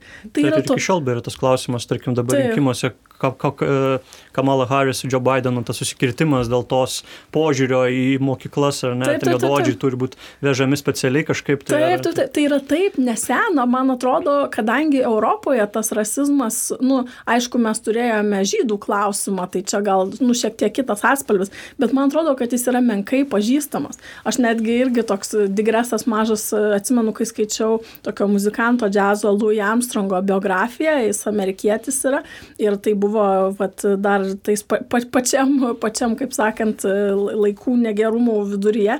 Jisai plaukė, reiškia, laivu kruiziniu iki Prancūzijos ir Prancūzijoje ir tais laikais buvo ganėtinai maišyta rasiškai visuomenė. Ir jis tiesiog negali patikėti, kad niekas į jį nežiūri kaip į antrarūšį žmogų, kad tiesiog prancūzai perka jo vinilus, žodžiu, ir kad tiesiog eina jo koncertus ir kažkaip, nu, kaž, ne, net ne, ne, nereaguoja ypatingai, kad jis yra juododis, jam tai buvo taip neįtikėtina. Jo. Tai tikrai Europoje ta istorija yra visai kitokia. Tai Aš Amer... pridursiu tik, kad Lietuvoje apskritai, man atrodo, labai sunku tai suvokti. Aš uh, prisimenu, kai kalbėjau su žmonėm, kurie pamatė filmą Green Book, žalioji knyga, taip, taip, taip, kuris taip. buvo problematiškas filmas, uh, nes jis parodė, kad galiausiai tau reikia balto draugo, kad tavo gyvenimas gerai susiklosto. Bet vis dėlto tai buvo kaip praktiškai atrodo kaip pamoka, kaip istorijos pamoka suvokti, kad tu negali daryti tų pačių dalykų, kad turi vykti į atskirą viešbutį, kad galėtum pernakvoti, net jeigu tu esi gerbiamas muzikantas. Taip. Arba buvo anksčiau toks filmas Hidden Figures apie NASA mokslininkės, Taip. kurios turėjo darytis kavą atskirame kavinukį ir eiti atskirą tualetą. Ir tai buvo 60 metai. Taip, ir to filmo be Lietuvos kino teatrai nerodė, nes turbūt nusprendė, kad niekam tai neįdomu. Tai man atrodo, Lietuvoje labai labai sunku tai suvokti, nebent tu turi galimybę pakeliauti po ją. Tai, tai dabar, sakykime, kad sunku suvokti, tai faktas ir mažai matyt gilinamas yra, bet reiškia, kad tas rasizmas yra vat, būtent nuo pilietinio karo, nuo kolonijizmo ir, ir istoriškai per pastarą išimtmetį, jeigu nedaugiau, susijęs su nacionalizmu, kas, kas kokie žmonės identifikuoja save kaip amerikiečiai, tai mums praslysta. Ir, ir yra žmonių, kurie Lietuvoje visiškai rimtų veidų mojuoja konfederato vėliavą ir galvoja, kad viskas yra su tuo ok. Tai tarkime, iš JAV atvykstantys žurnalistai kurie matė Lietuvą nepriklausomybės aušroje, negali patikėti, kad, kad tikrai tai yra tiesa, kad čia ne koks nors juokelis. Tai tiesiog dabar, aišku, su jau, jau išrinkus, išrinkus e, Baracką Obamą, jau daugam buvo diskomfortas e, ir kažkokie va to, sakykime, rasizmo apraiškos pradėjo kelti savo bjaurę galvą, bet dabar, kas mes matome, kad Donaldas Trumpas tiesiog normalizuoja tą diskursą ir, ir legitimizuoja, aktyviai legitimizuoja tiek rasistinius uh, pasisakymus pats dažnai Twitteryje taip elgdamasis tiek grupės, kurios šiaip jau buvo laikomos ekstremistais, baltaisiais supremacistais, jis tiesiog normalizuoja, kviečiasi kaip patarėjus ir bendrauja su tom grupėm. Ir, nu nežinau, tai yra labai pavojingas to nacionalizmo ir rasizmo išnaudojimas, toks kiršinimas dirbtinių grupių. Uh, tiesiog ap, apskritai šiuo metu, tai man patiko toks pastebėjimas, vėlgi siejantis ir, ir su tuo tribalizmu, ir, ir su valstybės susiskaldimu. E, Amy Chua Foreign Affairs straipsnėje pastebėjo dar, man atrodo, prieš porą metų, kad e, Amerikos visuomenė va šituo aspektu tai labiau primena besivystančią kokią šalį, o, o, ne, o ne išsivyščiusią šalis, kur reiškia tam tikros grupės pakrantėse tiek rytų, tiek vakarų, va, tokie kosmopolitai kontroliuoja disproporcišką turto kiekį ir yra kaip ir atskira gentis, labai stipriai atšokusi nuo vat, likusio vidurio, o tenais yra baisus susipriešinimas ir tiek rasinių, tiek turtinių pagrindų e, yra didžiulis antagonizmas vat, tiems, pavadinkim, pakrantiečiams ir tik ir žiūrima, kaip čia atsigriepti. Ir tokios personos kaip prezidentas Trumpas tada sėkmingai gali tą išnaudoti. Ir, ir nu, tai nėra tik tai politiniai manevrai, jo žodžiai arba tie video, kur, kuris rodomas šaudantis e, medijos atstovus ar politinius oponentus, nu jie įkvepia žmonės e, vykdyti žiaurumus. Kažkaip e, Eglė kalbėjo apie rasizmą, aš prisiminiau, Barack Obama užsiminė, prisiminiau Zeko uh, Galifinakio pokštą pasakytą prezidentui Obama interviu metu, kai sakė, uh, kaip jaučiatės būdamas paskutinis jododis JAV prezidentas nes po jūsų tikrai nebebus turėdamas konotaciją į tai, kad žmonės e, bijos. Bet aš gal plačiau šiek tiek pažiūrėčiau šitą, man atrodo, JAF nacionalizmą, e, Eglė pakalbėjo puikiai apie vidaus e, politiką ir vidaus problemas. Man atrodo, kad JAF nacionalizmas, kilęs beje, būtent aš pradžioje užsiminiau apie tą institucinį nacionalizmą, ne, nes JAV kilo ne iš kažkokio bendro kultūrinio pagrindo, ne bendra tauta, ta tauta formavosi, ta prasme, literaliai valstijos prisijungė viena po kitos, kol susidarė tas skaičius, kuris yra dabar. Ir JAV nacionalizmas yra būtent pagristas su tokiu arba arba konkrečiu įvaizdžiu, kaip žmonės įsivaizduoja Ameriką, arba tiesiog vat, būtent tuo nepriklausomės deklaracijos uh, ta dvasia ir tų founding fathers vadinamųjų tėvų kuriejų paliktais priesakais. Bet viskas stipriai pakito ir Amerikoje naujas, sakyčiau, nacionalizmas pradėjo formuotis tada, kai Amerika, Junktinės Amerikos valstijos kaip darinys pradėjo turėti savo užsienio politikos interesus. Ir čia nuo Panamos kanalo ir nuo, tarkim, tų pirmųjų karų su Meksika, ta pačia dėl Teksaso valstijos, pradėjo formuotis tas supratimas, kad Junktinės Amerikos valstijos turi savo kažkokių interesų užsienį ir tuos interesus turi ginti kaip vienetas kažkoks, kad yra kažkokia bendra misija. Atsirado net toks mesianizmas, ar ne, Junktinė Amerikos valstijų politikoje, kad mes turime įvesti vienam ar kitam. Iš pradžių tai buvo kalba apie artimiausius regionus, tai santykius su Meksika ar santykis su uh, Karibų baseino šalimis. Uh, po pirmo pasaulinio karo, uh, tarkim, tautų sąjungos ta pati idėja, Woodrow Wilson programa, ar ne, tai jau prasidėjo Amerikos tokia nacionalistinės politikos išsklaida platesnė, kaip, kaip Junktinė Amerikos valstybių tvarka siūloma bendrai pasauliui. Ypač tas pasijautė po antro pasaulinio karo, kai JAV pasiūlė praktiškai tą bendrą tvarką ne pagal kurią mes dabar gyvenam. Ir va čia įdomus pokytis vykstantis dabartinio nacionalizmo pakilime yra tai, kad JAV grįžta prie izolacinės politikos. Tai yra jos dabartinis nacionalizmas, jeigu ankstesnis buvo, visi prisimena tą Ameriką, tokia fuck yeah, ne, kur tipo, mes esam geriausi, mes išgelbėsim visus, ten ar Vietnamas, ar, ar Šiaurės Koreja, visur Amerikos įsikišimas buvo traktuojamas kaip maždaug sprendinys kažkoks. Amerika kaip galios vienetas, Amerika kaip pasaulio policininkas. Tai dabartiniam kontekste net fiziškai vykdomas atsitraukimas. Ta prasme, Trumpo, tarkim, atsitraukimas iš Sirijos e, yra pateikiamas būtent kaip nacionalinės, nacionalistinės politikos a, toks bruožas, nes amerikiet, amerikiečiam nacionalizmui dabartiniam yra mm, patraukli ta idėja, Amerika nesikiša į karus, arba jinai eina tik į tą santykį, kuris yra pragmatiškai naudingas. Tai yra kažkur, mums naudinga yra kažką apginti, dėl to mes tai padarysim, bet bendrai mes nebeatstovaujam jokios idėjos. Tai tas izolacinis nacionalizmas yra nauja apraiška ir jis labai gali pakeisti pasaulio tvarką apskritai, kaip mes ją įsivaizduojam. Aš tikrai nesu iš tų, kurie gina Amerikos kaip pasaulio policininko tą vaidmenį, bet kitas dalykas, kokias alternatyvas mums tada pasiūlo ta naujoji nacionalistinė politika, nes mes matom dabar Sirijoje, Amerikos nacionalistinis interesas buvo, nacionalinis interesas, kaip tai sako jų nacionalistai, nebuvo pasitraukti mums nenaudinga būti Sirijoje. Tuo metu Irano, Turkijos, Rusijos nacionalistiniai interesai yra būti ten. Ir tada mes matom, kad ta pasaulio tvarka formuojama jau yra naujų tų nacionalistinių interesų, kurie, nu vėlgi, sunkiai prognozuojami yra. Aš pridėsiu čia labai gerą sąrašą, paminėjai, Pauliu, jeigu atkreiptume dėmesį, mes kai įrašinėjome šitą laidą, tai yra kelių dienų naujienos senumo apie tai, kad e, prezidentas Trumpas džiugauja, kad buvo e, nužudytas, reiškia, vienas iš ISIS lyderių. Taip, Abu Bakras al-Bagdadis. Al-Bagdadi, taip.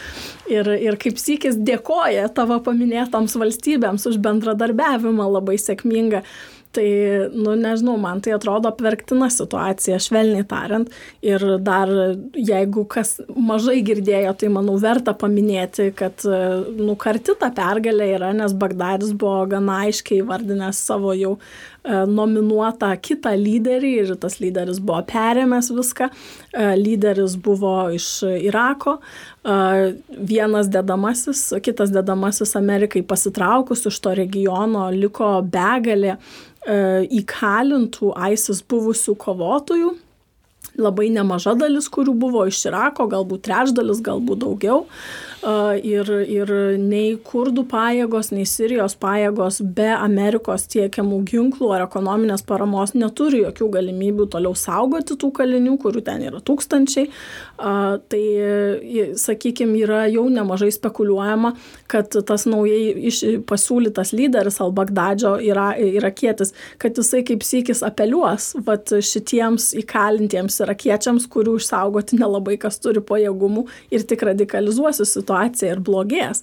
Tai tas, kaip čia pasakyti, tikrai pasaulio tvarkai tai siūlo nu, labai nekokių implikacijų tas atsitraukimas. Bet vėl, vėl mes girdim tą patį, kad e, nacionalistai e, prisidengia nacionalizmu, ten Taip. interesai yra ryškiai kitokie, tiek Rusijos, tiek Irano, tiek Sirijos, jie randa tunelį, per kurį prakišti ir paspausti ranką vienas kitam. Čia, čia, čia, čia tas akcentas, ką aš labai noriu pabrėžti, kad Amerikos dabartinis nacionalizmas jis yra izolacinis, o kitų valstybių ekspansyvus.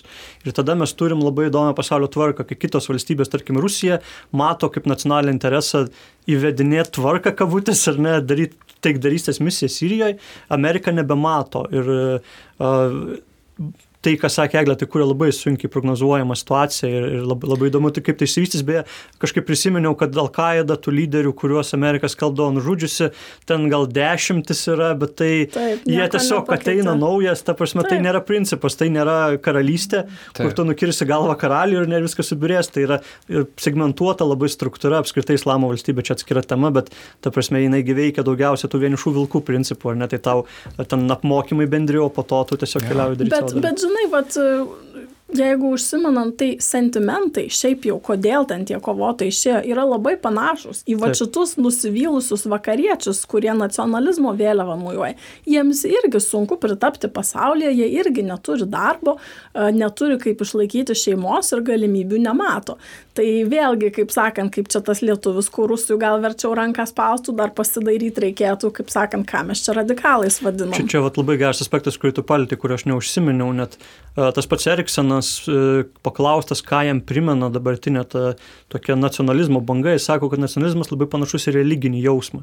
Ta prasme, žmonės tiki kažkokią idėją dėl savo nacionalinės valstybės, gali eiti ir žūt kažkokiam konflikte, ar ne. Tai pavyzdžiui, arabų pasaulyje tai tas labai pastebima, kad jų nacionalizmas yra neatsiejamas nuo tos Taip. religinės indoktrinacijos. Iranas galbūt kitas klausimas, ten, ta prasme, teokratija senokai, bet tarkim, tie islamo valstybės kovotojai, jų valstybė ir tas nacionalizmas, kabutės, ar ne, gerai susikūrė būtent religinių pagrindų. Tai labai dažnai nacionalizmas beina šalia religijos ir Lietuvoje, pavyzdžiui, tai viena iš tų na, na, nacionalizmo tokių apraiškų yra tas toks krikščionybės iškelimas o, ir jos, jos vaidmens socialinėme ligmenyje iškelimas į, į paviršių. Bet, bet tai vėl, vat, Pauliu, yra lygiai tas pats motyvas visur pastebimas. Yra tas pats sentimentas. Aš neturiu, man neužtenka, aš jaučiuosi nepakankamas vat, dėl dabartinės situacijos. Ir, ir tada mes ieškom, graibom toj tamsoj, iš kur čia paimti saugumo ir užtikrintumo ir yra du patogūs, gerai nudėvėti batai. Į jau patogus eiti, nes pažįstami per amžių amžius. Vienas nacionalizmo batas, kitas religijos batas. Nu ir apsimaunu ir šoliuoju, ar ne? Tai tik sakau, reikia suvokti, kad nu, čia yra tik tai apvalkalas. Pagrindinė problema, kurią mes turim galimybių išspręsti, yra visai kitur. Ir reikėtų kaip ir neužsižaisti, gal irgi su, su to vat, akcentavimusi, kad čia yra apie nacionalizmą, apie apie ką, nu, mes tų naratyvų neišardysim. Kad e, tiesiog reikėtų gal akcentuotis į tų uh, underlying problemų sprendimą. Mm. Aš iš dalies pritariu, iš tikrųjų, ekonominės socialinės problemos, kaip mes ir sutarėm, yra iš esmės bazė to naujo nacionalizmo kuri, kilimo. Bet aš galbūt palikčiau galimybę tą, kad to nacionalizmo kaip e, karkaso, kuris užmetamas, ar ne, to religinio fundamentalizmo e, stebėjimas ir tyrimas, analizavimas, jis labai padėtų ir prie tų problemų e, pačių sprendimo giluminių. Nes atmesti tiesiog ir sakyti, kad šitas nacionalizmas yra tiesiog, žinai, kažkokia, kažkoks apvalkalas, kuris nieko nereiškia, panašu, kad tai žmonių grupiai jis yra labai parankus ir jiem kelia tam tikrus sentimentus, taip. į kuriuos neatsakant, tu vėlgi negalėsi išspręsti bent jau politiniu būdu tų nu, problemų. Nu, taip, taip, sakykime, aš manau, kad tiesiog gal jie patys tie giliai nekapsto, kodėl jiems tie sentimentai ten kyla. Taip. Tai, tai šitoje vietoje sutikčiau. Bet, kaip sakant, gal tada pabandykim pa, pa, pasvarstyti, kad jau mes matom uh, Lietuvą uh, bandančią aktyviai atliepti uh, mūsų didžiųjų sąjungininkų, va tuos nacionalistinius sentimentus. Kokių implikacijų tai gali turėti mums?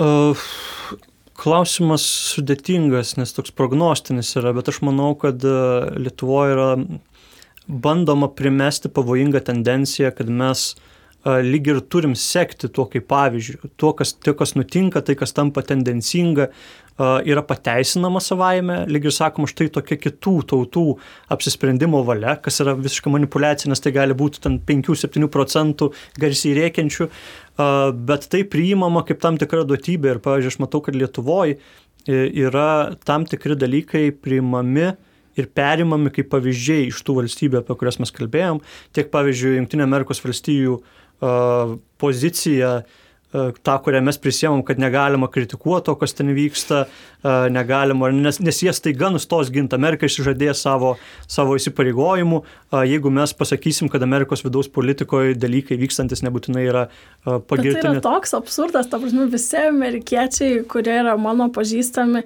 jie patys yra labai kritiški dėl tos politikos ir iš abiejų pusių, tiek respublikonai, tiek demokratai.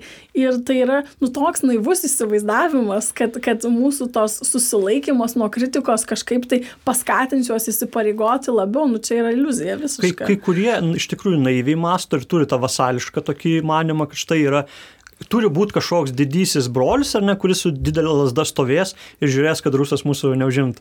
Bet yra iš dalies, aš manau, čia toks užslėptas ir žaidimas, kai bandoma eksportuoti tam tikrus dalykus į Lietuvą.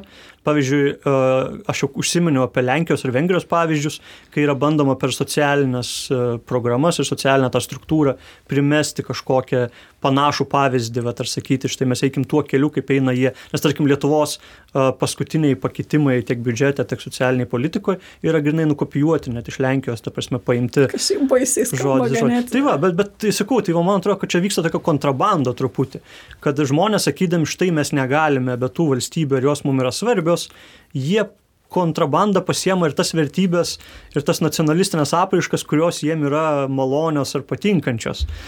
Tai jo teko pastebėti ir su neramumu, kad prezidentas Nausėda neseniai išrinktas labai energingai palaikė Donaldo Trumpo poziciją išreikštą jungtinėse tautose, kad Trumpas reiškia, sako, pasaulis priklausys patriotams ir kad šitie globalistai visi nelaimės.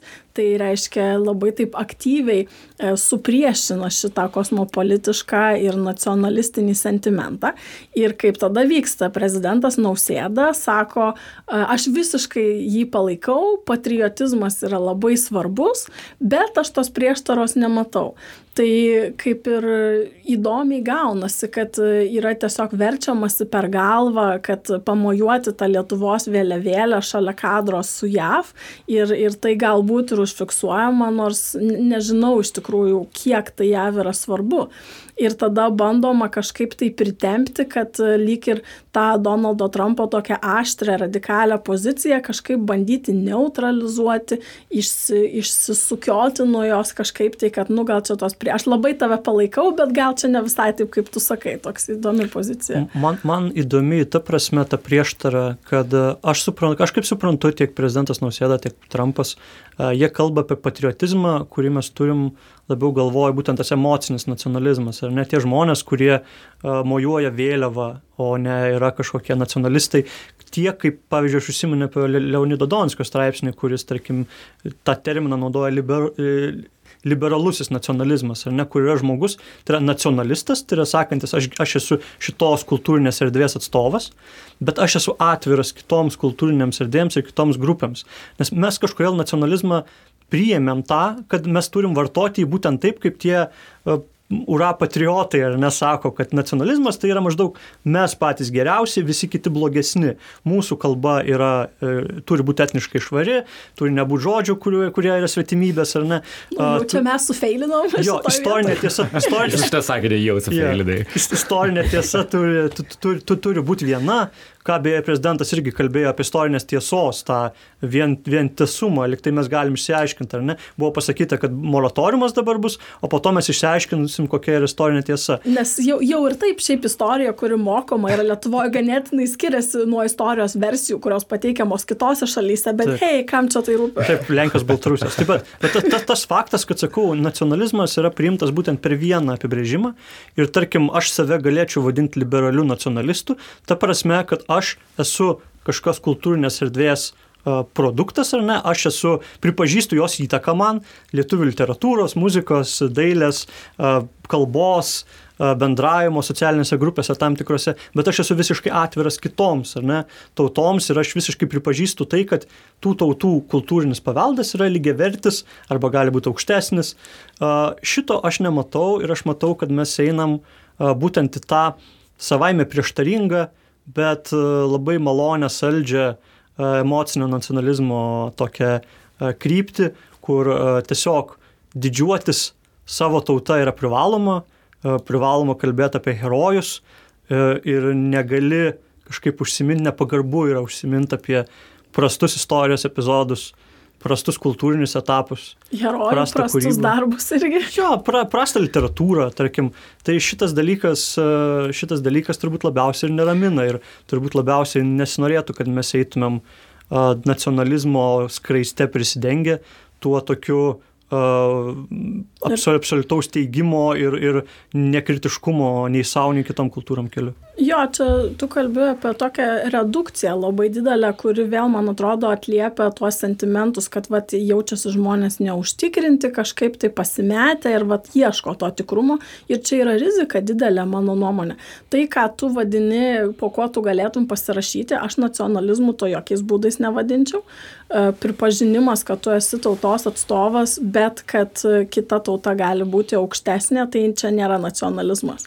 Bet čia gal atskira diskusija ir, ir jau kelis kartus svartyta irgi. Bet labiau apie tai, apie ką mes kalbam šiandien, kad iš tikrųjų nu, yra neraminanti, neraminanti ta kryptis, norėjimas kažkaip tai viską sudėti į stalčiukus, viską e, nu, nušlifuoti, nutrinti juodą baltą ir tam pilkumui, kas iš tikrųjų yra gyvenimiška visiškai realu nepalikti jokios erdvės. Tai man atrodo, kad jau sterilizuodami istoriją nemaža dalim mes prarandam tos kultūrinės atminties niuansuotumą, mes prarandam suvokimą, kas ten skatino vienus ar kitus reiškinius žmonės, kas juos formavo ir mums tada bus istoriškai tik sunkiau ir atkapstyti ir pasimokyti. Tai mane labai neramina iš tikrųjų šitos tendencijos ir, ir Lietuvos aktyvios pastangos vat, eiti šitą kryptimį? Mm, uh, visiškai pabaigai klausimas jums apie uh, kitų metų artėjančius Seimo rinkimus. Pavyzdžiui, bandant suvokti Lietuvos nacionalizmo uh, problemą, kiek jinai yra didelė. Ir galima sakyti, kad, aha, praėjusios rinkimuose nei ten Jozaitis ne, negavo didelio procento balsų, nei ten, pavyzdžiui, Radžvilo visas judėjimas. Atrodė, kad tai buvo kaip tam tikras pasitikrinimas, kiek tos idėjos Lietuvoje yra e, paklausęs. Kita vertus, galbūt Lietuvoje nacionalistinės idėjos, ką dabar cituojant prezidentą, ar ne, kad pats e, Nausėda su Jozaičiu, jie, jie dėl daugelio dalykų sutiko. Galbūt Nausėda yra nacionalistinis prezidentas tik tai kitame drabužyje. Ir man dėl to tas yra klausimas, ar, ar tikrai Lietuva yra viena iš rytų ES šalių, kurioje nacionalizmas dar nesuvešėjo, o galbūt jis visada ten buvo ir tik tai tokiu nuosaikesniu rūbu. Tai jeigu įvertinant dabartinę mūsų būsinę, ar mes, ar mes esame geroje būklėje, o gal mes turim daug nacionalizmo pačiame viduje, kuris nėra net nekvestionuojamas. Aš galbūt atsispirsiu nuo to, kad man atrodo labai daug įtakos daro išorinės aplinkybės. Ir man atrodo, kad tas nacionalizmas. Šiaip, turbūt, jeigu, jeigu vadovaučiausi istorija ir manyčiau, kad istorija kartojasi, tai sakyčiau, kad nacionalizmas, kuris pas mus vėluojantis yra, tai šita naujoji nacionalizmo banga ateis pavėluotai kažkada, bet aš... Ne... Jau, jau kitų metų rinkimuose? Tarkim, bet, bet, bet, aš, bet aš netikiu tokių pasikartojimų, šiaip aš manau, kad e, viskas labai priklauso nuo įvairių išorės aplinkybių, kaip minėjau. Tarkim, Lietuvoje galim kalbėti apie tam tikrą švelnaus nacionalizmo tokią bangą, kurią sukėlė įvykiai Ukrainoje įvykiai Ukrainoje paskatino visuomenę jaustis mažiau saugiai ir tai gali laisvai išnaudoti tie, kurie nori, tarkim, padidinti tam tikrų galios struktūrų įtaką, sumažinti demokratijos, padidinti visuomenės kažkokį nekritiškumą, nelojalumą, didesnį vadovavimas emocijom.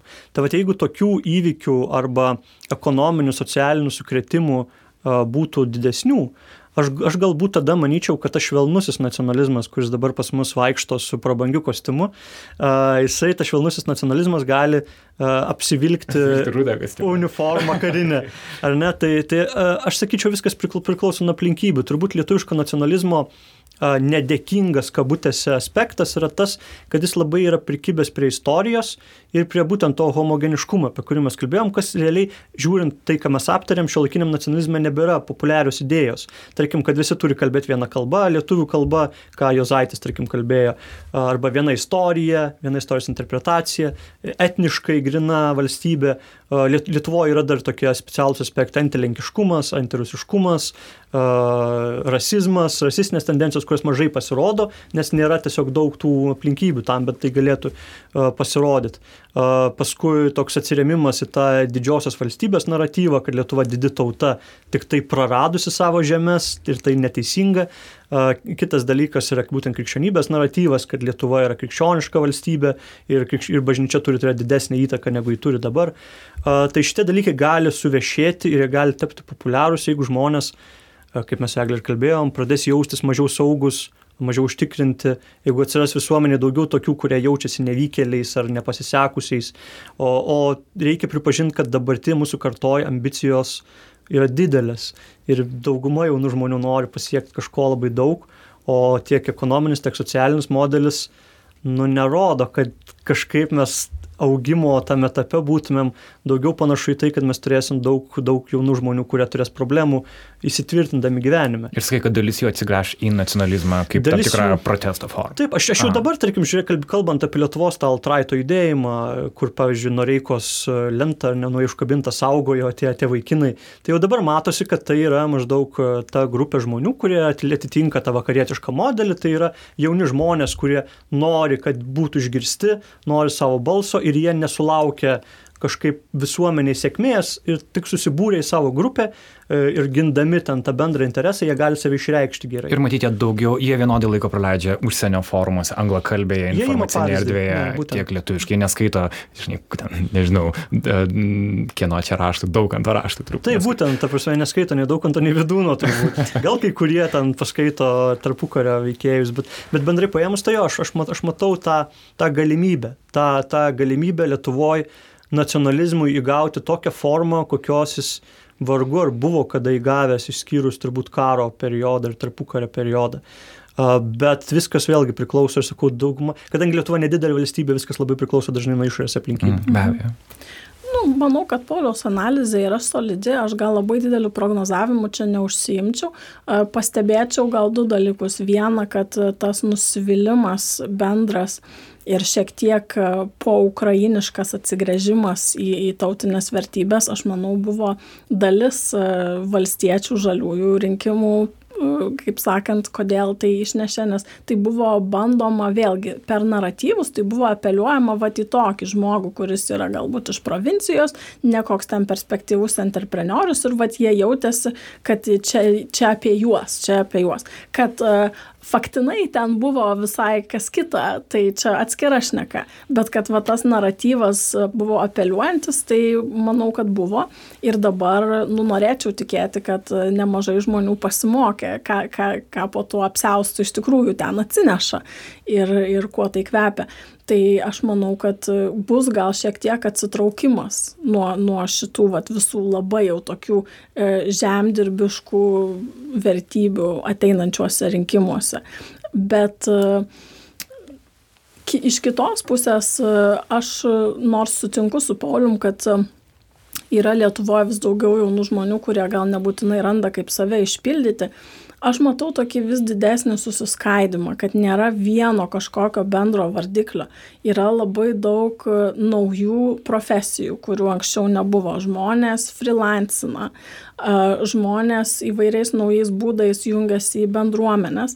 Ir aš, pavyzdžiui, netgi ir dvasingumo yra, sakyčiau, gana didelis atgimimas, čia ne metai ir ne du, bet tikrai kokia dešimt ir daugiau, kiek žmonių ir, ir į tą bažnyčią eina šiek tiek su po, kitais. Popiežiaus vizitą prisimenu. Taip, taip, taip, taip bet, bet ir apskritai tai ir jaunimo judėjimai bažnyčios populiarėja ir ten visokios jogos, retrytai, kas tik tai nori, ar ne.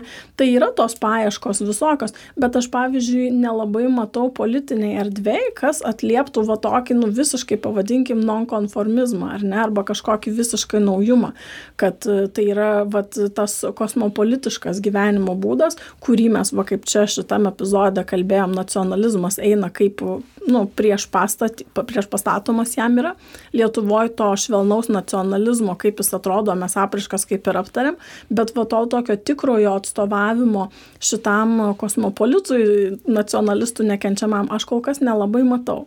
Aš lyg ir nujaučiu, kad Aušrinės Armonaitės galbūt kuriama partija turėjo tokių ambicijų, bet iš, iš programos aš nežinau, kiek jiems tai pavyks išpildyti, bet vad man atrodo, jeigu konkrečiai kalbant apie rinkimus ir sakykime, vad e, būtų labai įdomu per šitus turbūt dar ne, galbūt per dar ateinančius, bet aš beveik laukiu, kokia forma iškils kokia nors maža grupelė, kuri vad bandys reprezentuoti ir šitą pusę.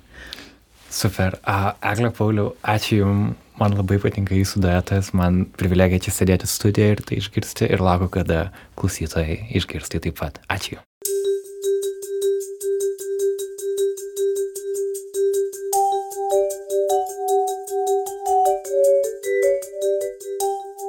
Toks mūsų epizodas šiandien. Ačiū, kad buvote kartu. Užeikite į Nail.lt ir pamatykite Pauliaus ir Eglės fotografijas iš interviu užkulisių. Jų autorius yra Mindaugas Drigotas. Interviu atliktas nacionalinėje Martino Mašvido bibliotekoje, čia įrengtoje garso įrašų studijoje. Čia pat įrašinėjame ir mano studinį balsą. Studijoje dirba garso inžinierės Aistė Baltraitytė ir Kata Bitoft. Podkasto muzikos autorius yra Martinas Gailius, o šį epizodą redaguoti padėjo Martina Šulskutė. Update epizodus palaiko tik jūsų Nailo klausytojai įsitraukimas, tad jeigu jums patiko tai, ką girdėjote, kviečiu nukeliauti į patreon.com slash nanukmultimedia. Šiuo adresu galite prisidėti prie mūsų žurnalistikos palaikymo. Ačiū iš anksto. Mūsų 100 dolerių patronai yra Blossom Wood Foundation ir Benedikto Gylio paramos fondas.